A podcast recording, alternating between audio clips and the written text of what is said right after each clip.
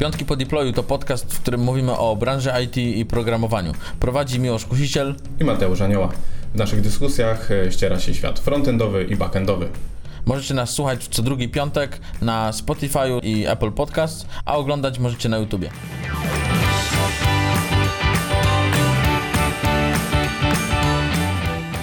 Witamy w 29 odcinku Piątków po deployu. W tym odcinku porozmawiamy o naszych wnioskach na temat raportów dotyczących JavaScriptu, czyli takiego języka programowania, wiecie tam, e, i Pythona, najlepszego, Python Król, pamiętajcie.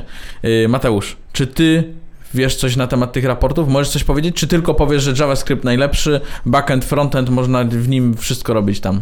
Już, będzie tak jak zwykle, czyli konkretnie, rzeczowo, i super poważnie. Dokładnie. Zaczniemy tego, od tego Pythonowego. No to były y, te dane zbierane przez y, JetBrains na przykład. No, jednak coś wiesz. Wiem, wiem. No. I były zbierane w oktober 2020. Uu, no. Uu. Tu trochę makaronizmy się pojawiły. 28 tysięcy deweloperów Pythona odpowiedziało. Na pierwszy rzut oka rzuca się, rzuca się na pierwszy rzut oka, pięknie to powiedziałem. Pięknie, pięknie. E, rzuca się to, że w 85% jest to hmm. pierwszy język, czyli taki chyba, który najlepiej znają, tak? To nie jest taki, hmm. którym mm, pierwszego się nauczyli, bo taki to by był pewnie jakiś tam y, Turbo Pascal ze szkoły.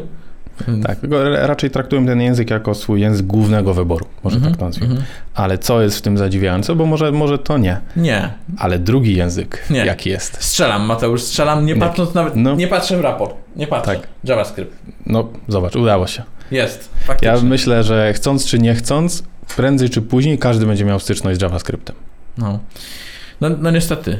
Tak, tak jest w tym no. życiu. Tak, tak to jest wszystko ułożone, żeby mieć i dobrą drogę, i złą drogę. No widzisz, a zobacz, co mamy jakby potem? No HTML i CSS trochę nie wiem, czy bym to traktował o, jako języki na programowania. mnie pierdzielił, że HTML i CSS to nie jest język programowania. Tak? No, no ale podobno połączenie jednego i drugiego to już jest, już jest? programowanie. No. Okay. Przecież w CSS-ie możesz odejmować.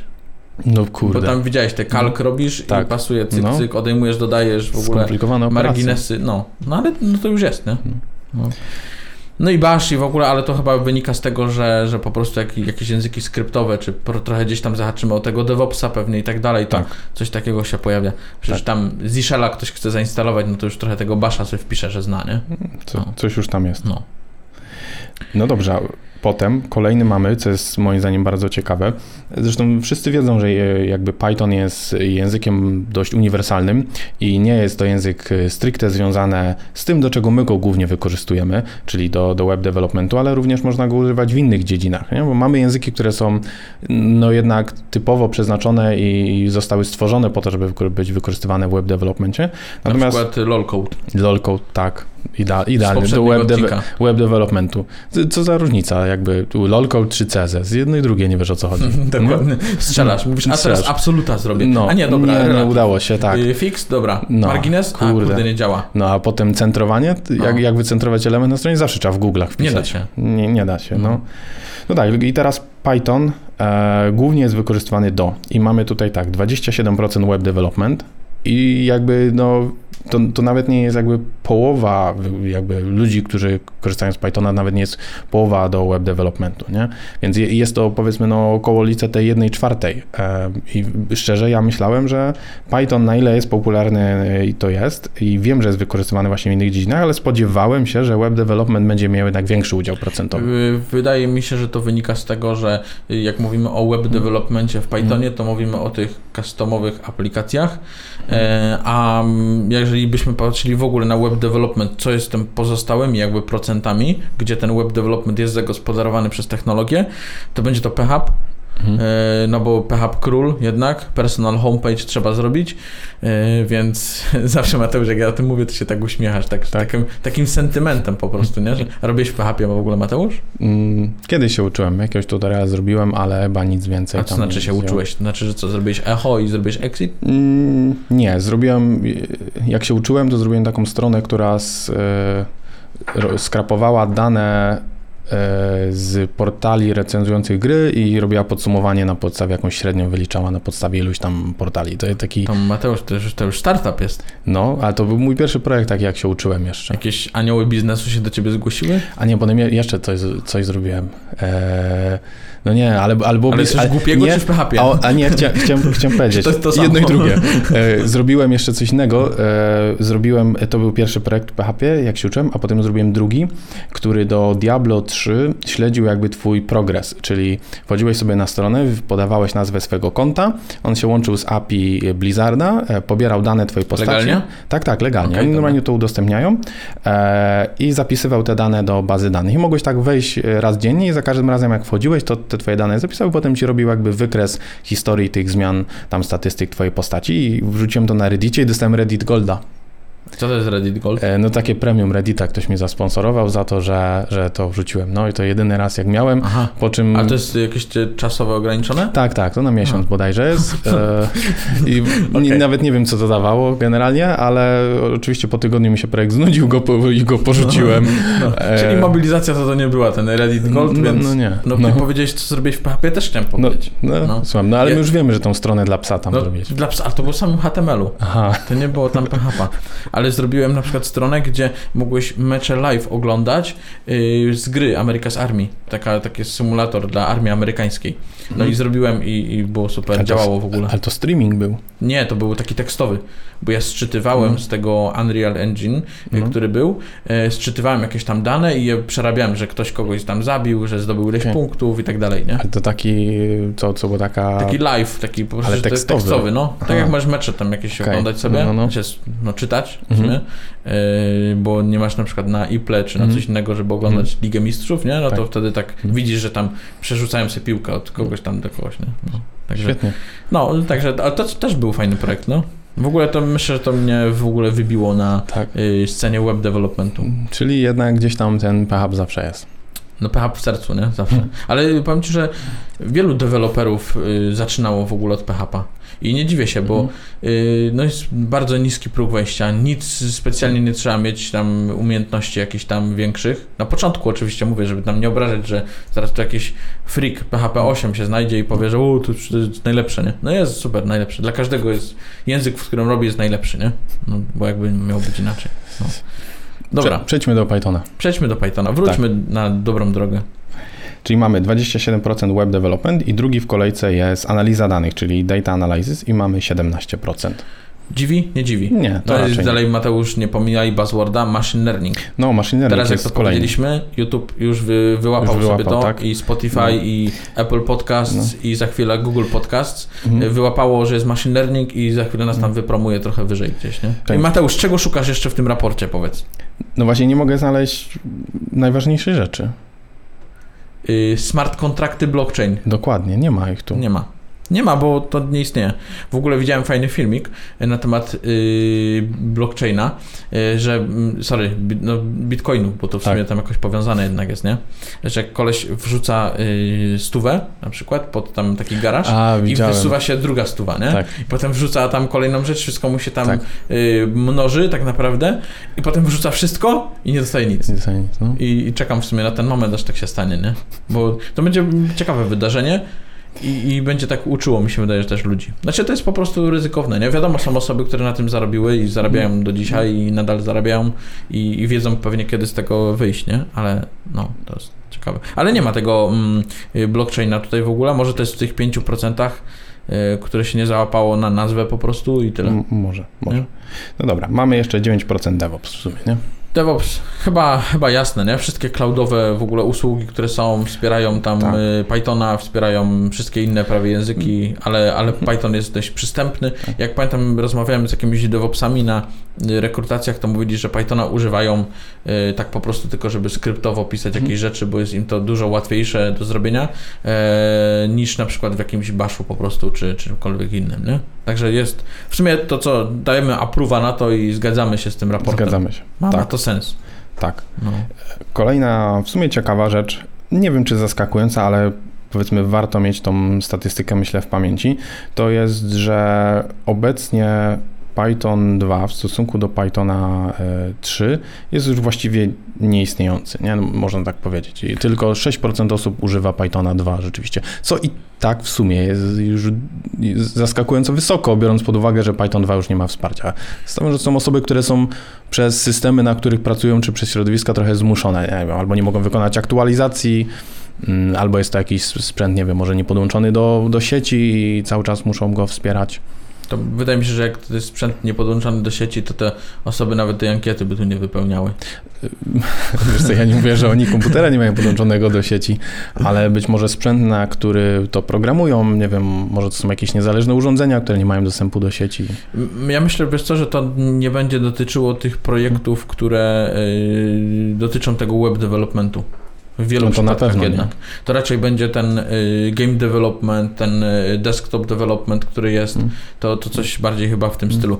Chyba nawet tutaj jest w tej ankiecie y, tak zaznaczone, że, że, że Python 2, który jest używany dość mocno, o, to jest computer graphics na przykład i desktop development. Mm. Nie myliłem się, mam jednak dobrą pamięć. E, więc, no i game development, nie? Że tu jest jednak okay. częściej używane Python 2 E, i to dość dużej przewadze na przykład przy, przy grafice.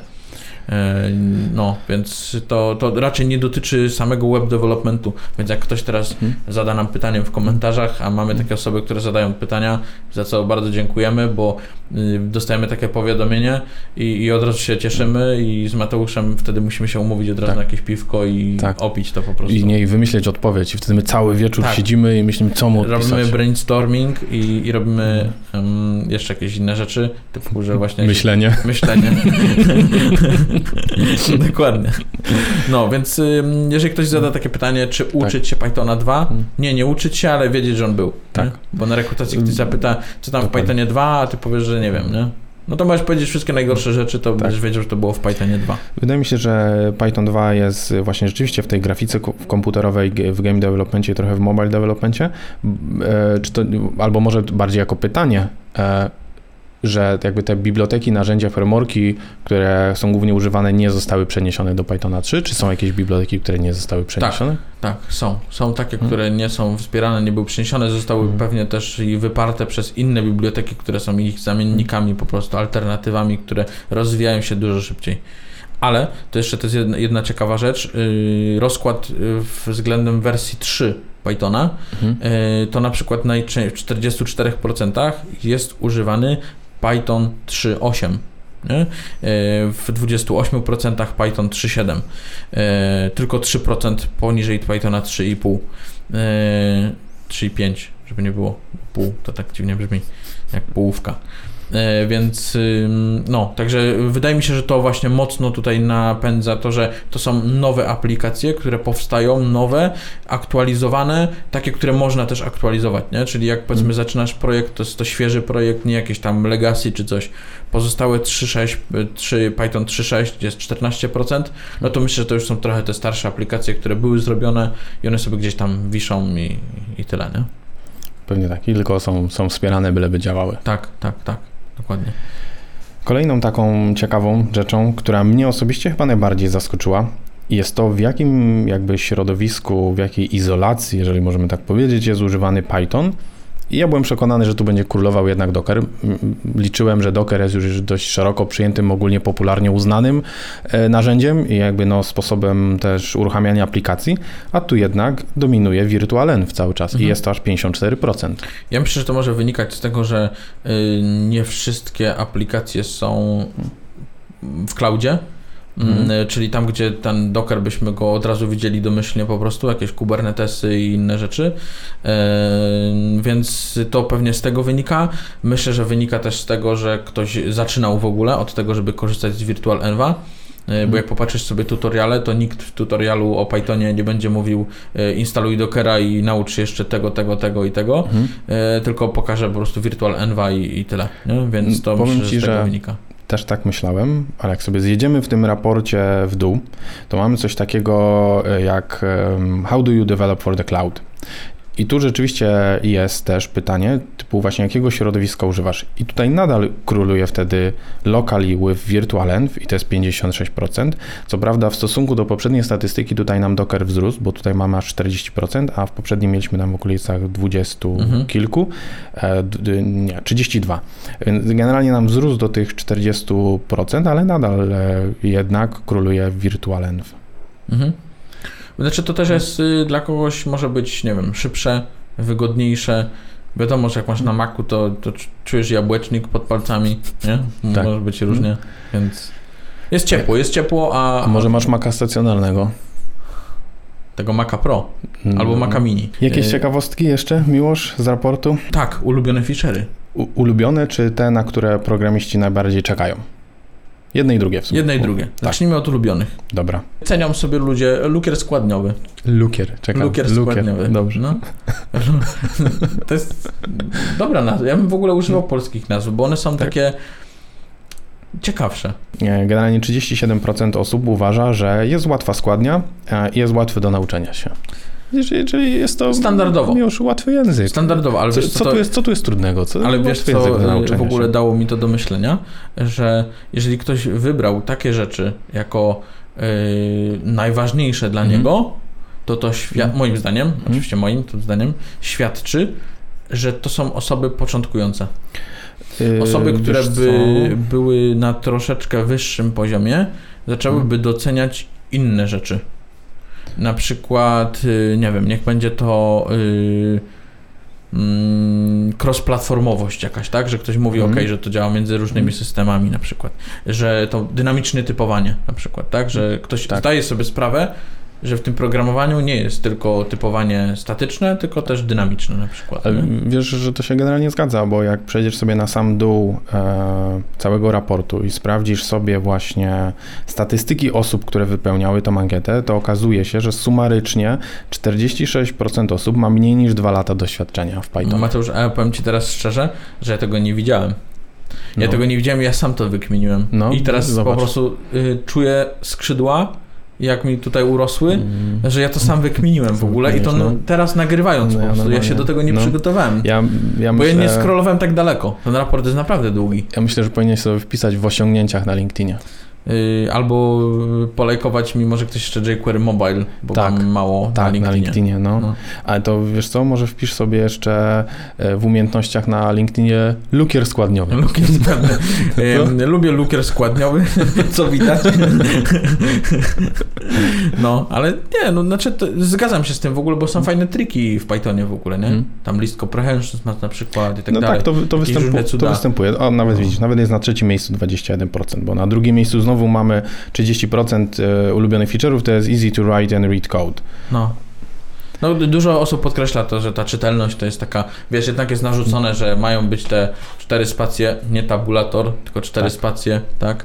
Yy, więc to, ta czytelność jest dużo, dużo lepsza. No wyobraź sobie Mateusz w PHP jak tam pisałeś, nie?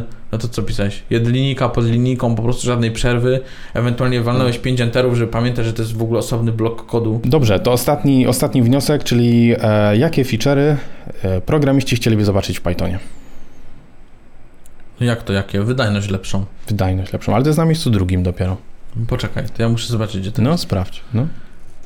No bo wydajność też rzeczywiście się pojawia, ale na pozycji A, no numer tak. jeden jest coś innego. Typowanko. Typowanko. No teraz jest wielki hype, no. Hype no tak. to jest po prostu. No. A to właśnie przez, pominęliśmy jeszcze jedną rzecz o, dotyczącą frameworków. Jest tak. Flask, jest Django i co się pojawia? Fast API się pojawia. Więc jeżeli ktoś jeszcze z Was nie korzystał z Fast API, to zainteresujcie się tym, e, mhm. bo naprawdę wygląda świetnie.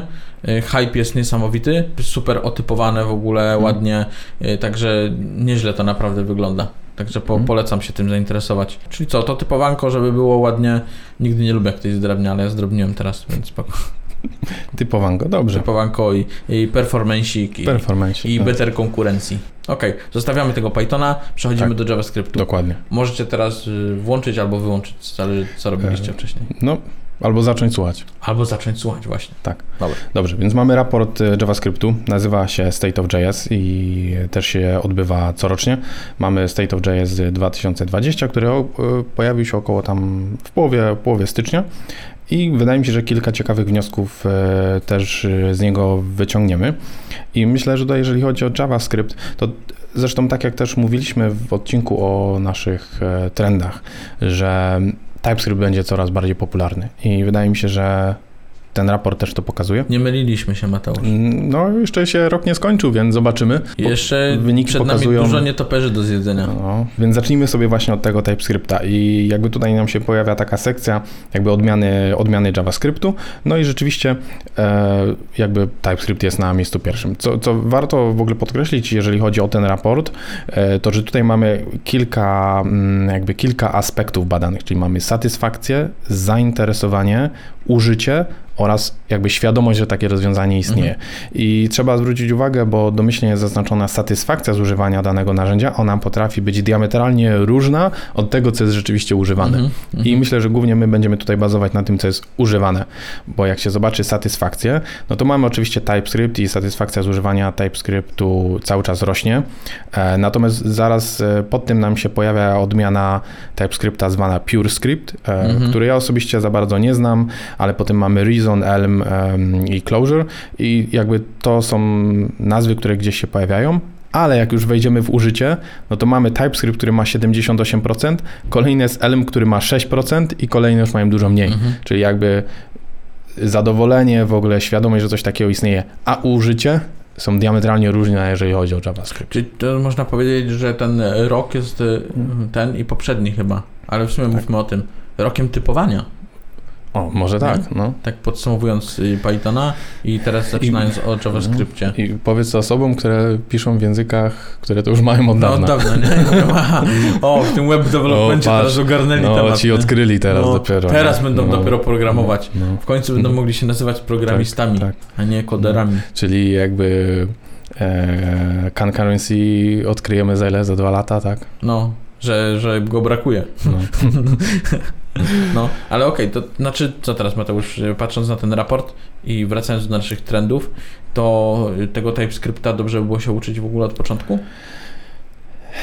To jest dobre pytanie, czy od początku. Ja mm, myślę, że warto się nim zainteresować, ale trzeba znać różnicę między TypeScriptem a JavaScriptem, Mhm. bo ja osobiście zauważam taką tendencję, że wielu programistów, frontendowców, JavaScriptowców, którzy dopiero co się zaczynają uczyć, nie widzą za bardzo różnicy między JavaScriptem a TypeScriptem, nie wiedzą co jest jakby rzeczywiście tym korowym featurem języku, a co nam przyniósł TypeScript. Podobnie jest z frameworkami, szczególnie z Angularem, który też jest zawsze łączony z tym TypeScriptem.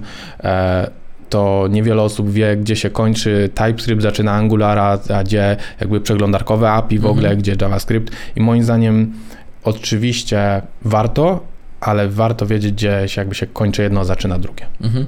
A rozróżniają w ogóle frontend od backendu? No wiesz, z, z tymi, zaraz przejdziemy sobie do frameworków, ale jakby jest też wie, wiele frameworków, które coraz bardziej zaciera granice też Nie. między frontendem a backendem. Nie, No, Mateusz. no bo zobacz, Nie, skończmy ten raport. to zobacz. Ja nie mogę tego zobacz, słuchać. To przeskoczmy Ja- ja od razu, przeskoczmy od razu, e, to, to zróbmy tak, przeskoczmy od razu Nie wiem, do, dam do backendowych frameworków, no. E, skoczmy od razu do backendowych frameworków. Kiedyś w ogóle taka kategoria była nie do pomyślenia. No nie do pomyślenia. Teraz? No ale zobacz, zaraz w ogóle dojdziemy sobie jeszcze do innych narzędzi. No ale tutaj jakby, jeżeli chodzi o backendowe frameworki i ich użycie, to bez zaskoczenia tutaj mamy na pierwszym miejscu Expressa i to jest 80%, ale właśnie to, co chcę, na co chcę zwrócić uwagę w kontekście tego, co mówisz, Mhm. to, że na drugim miejscu jest Next.js, który ma 37%. I ja się y, uczciwie zastanawiałem, czy Next.js powinien być y, jakby w kategorii frameworków backendowych, bo teoretycznie jest to server-side rendering i jakby No jest to stawiamy po to, backendzie, sobie... no to dlatego. No okej, no jest to, to uruchamiasz to na serwerze i to Koło- rzeczywiście jakby odpowiada ci za ten pierwszy rendering, ale jest to aplikacja nadal frontendowa. Koło się zamyka, Mateusz, i według mnie No. ten cały frontend to w ogóle nie będzie istniał, wszystko będzie tylko po backendzie. No. i będziecie się bawić w tym JavaScriptie, TypeScriptie, już wtedy Mhm. TypeScriptie tylko, Mhm. Albo coś jeszcze innego powstanie Mhm. i tylko na backendzie i będzie git. I, i bo zobaczysz, że to już wraca. Wcześniej był hype, że o, robimy aplikację frontendową, wszystko po stronie przeglądarki. Okazało się, że Chrome nie taki super jak się wydaje, Mhm. bo, bo muli strasznie i robi drugi jabłecznik nam tutaj z Maca. Wiesz co ci powiem? No. Mocne słowo jak na kogoś, kto pisze w języku bez typowania. Ma. Takie, wiesz, podpowiada trochę. Tylko zobacz, jakby potem znowu mamy, kolejny jest Gatsby, kolejny jest Nuxt i to są wszystko jakby frameworki głównie do server-side renderingu. Mhm. Oczywiście można w nim też robić e, aspekty backendowe, Mhm. ale tu było dla mnie zdziwienie, że, że one są kategoryzowane właśnie w ramach tego, tego backendu. Potem nam się pojawia gdzieś tam koa jeszcze, e, jest Nest, którego, który ma tylko 13%, co prawda, ale ja... I Mhm. on się też pojawił, nie mamy statystyk z zeszłego roku, bo jest to, jest to nowy wpis, e, ale wydaje mi się, że Nest jest też takim frameworkiem backendowym, którym obecnie warto się zainteresować. Będzie zbierał większe... Tak, tak. Wydaje mi się, że będzie nabierał, nabierał tempa na pewno. Mhm. No dobra, ale ten Express to też wynika z tego, że y, gdzieś tam ten backend jest robiony w takimi mniejszymi jakimiś aplikacjami po prostu, że nie chcemy też mieć nie wiadomo ile Mhm. tych zależności i tak dalej, żeby ten nasz Node Modules nie był Mhm. tak głęboki, jak głębokie jest... Czarna dziura. Tak. tak powiedzmy. No. E, I tak... Chciałem powiedzieć o maryjańskim, bo Aha, ja miałem okej, rozszerzoną okej. geografię, No, więc no. wiedziałem, że tak coś jest. To, żeby może zamknąć te frameworki backendowe, to ja bym powiedział, tu powiedziałeś, że ok, aplikacje są lżejsze, są mniejsze, można działać bardziej na zasadzie mikroserwisów, jasne.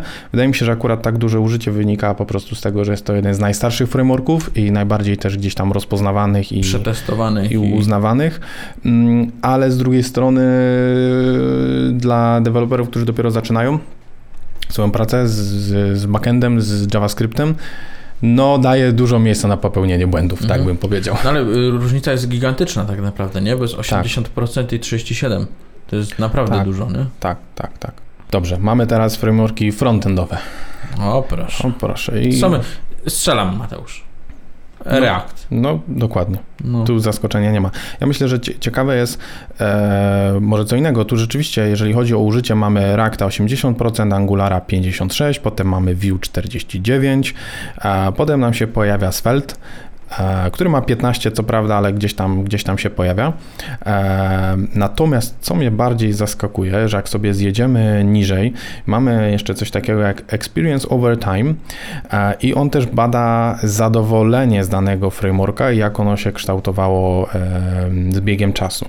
I o ile powiedzmy gdzieś tam e, w, w przypadku Reacta czy w przypadku Vue generalnie gdzieś tam to zadowolenie rośnie, e, Mhm. to o tyle w Angularze myślę, że jest to takie dość taki powiedz- powiedziałbym nawet polaryzujący framework, że e, bardzo e, jest na drugim miejscu pod względem użycia, ale natomiast e, bardzo wiele osób twierdzi, że nie użyłoby go lub nie jest zainteresowanym całkowicie nim.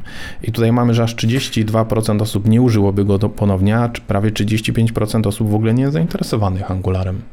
Ale dziwi ci to, Mateusz?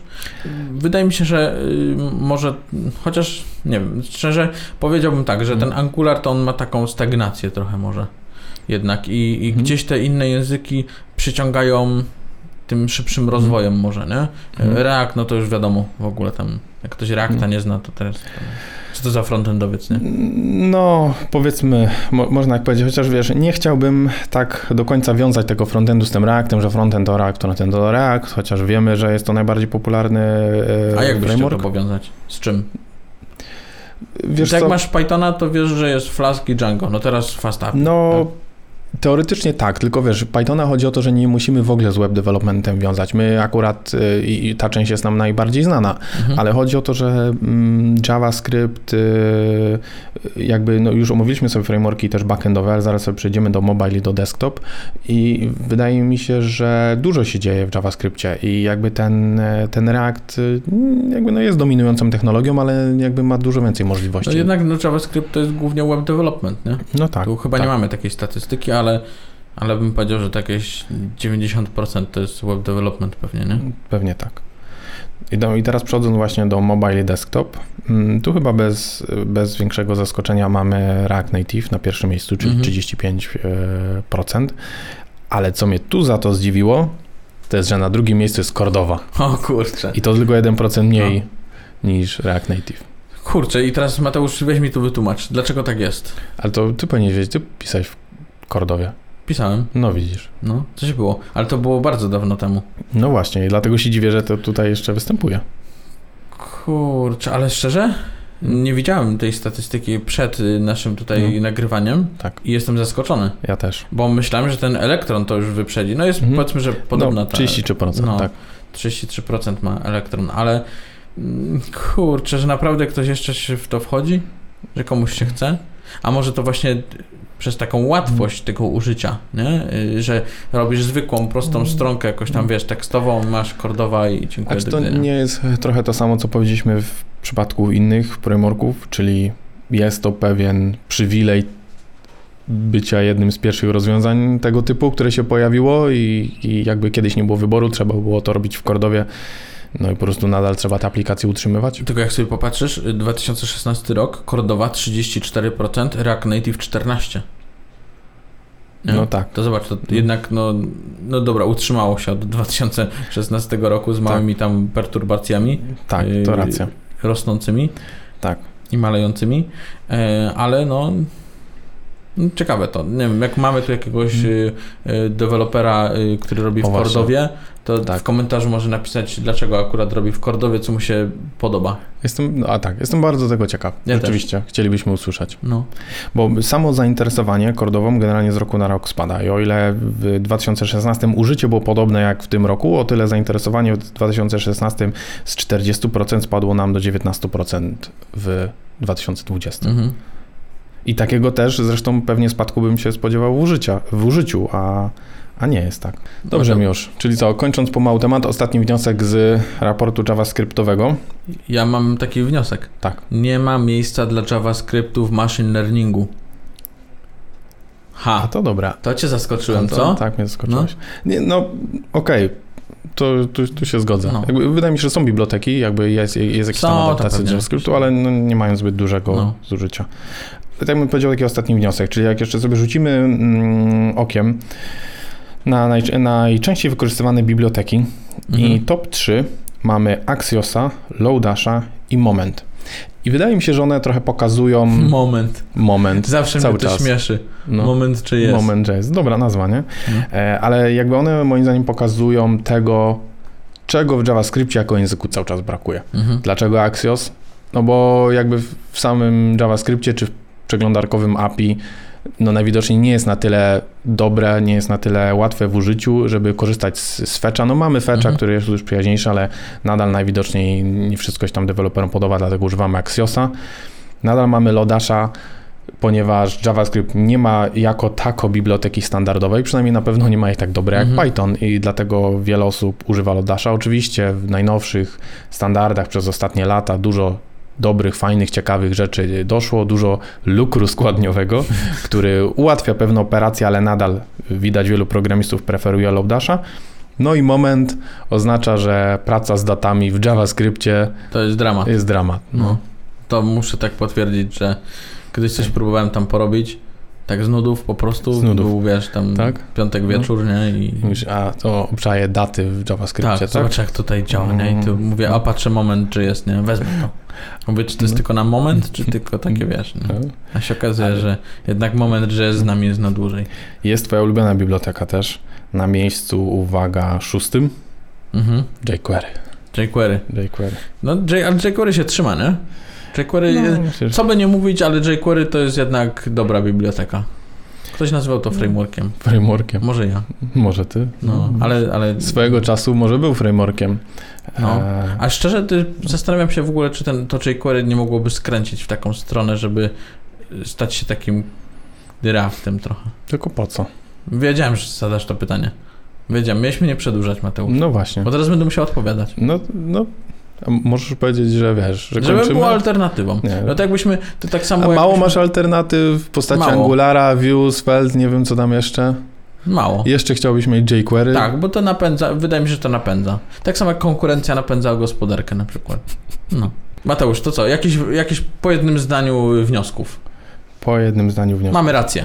E, to może tak konkretnie, Dobra. podsumowanie. Mhm. To ja bym powiedział, że e, jakby Python i JavaScript uważam, że nadal są świetnymi e, językami, e, e, którymi warto się jakby interesować, które warto znać. Warto, żeby to były też być może główne języki programowania, ponieważ dają one dużo jakby możliwości. Jako Python nie jesteśmy ograniczeni tylko wyłącznie do web developmentu. Jeżeli w którymś etapie swojego życia stwierdzimy, wkurza mnie ten backend, wkurza mnie te kurdy API, mam ochotę porobić coś innego, możemy łatwo przejść na machine learning. I tak Ty- samo z JavaScriptem jeszcze, tak? Mówisz, a wkurza mnie frontend, porobię mobile, no i to przeskoczysz sobie na mobile. I ja uważam, że to są fajne języki właśnie, bo dają szerokie spektrum możliwości. A wiesz Mateusz, że backend to nie tylko API, nie? Co? No. Co? Tam Przecież co, co, co się w backendzie Gościu, dzieje? Ty widziałeś w ogóle, że tam są wzorce projektowe, tam człowieku robisz różne cuda, data klasy w Pythonie na przykład. Przecież tam bierzesz model, definiujesz pola i pakujesz... Bierzesz model, ale ty mówisz o modelu z Django. No i co w tym skompli- skomplikowanego? Bierzesz model, wrzucasz go, potem wystawiasz w API i potem mówisz frontendowcowi, a masz tu, martw się. A bo zrobisz se- GraphQL-a i mówisz, a to co teraz no, sortuj sam. no. I, i, I po sprawie, nie? No.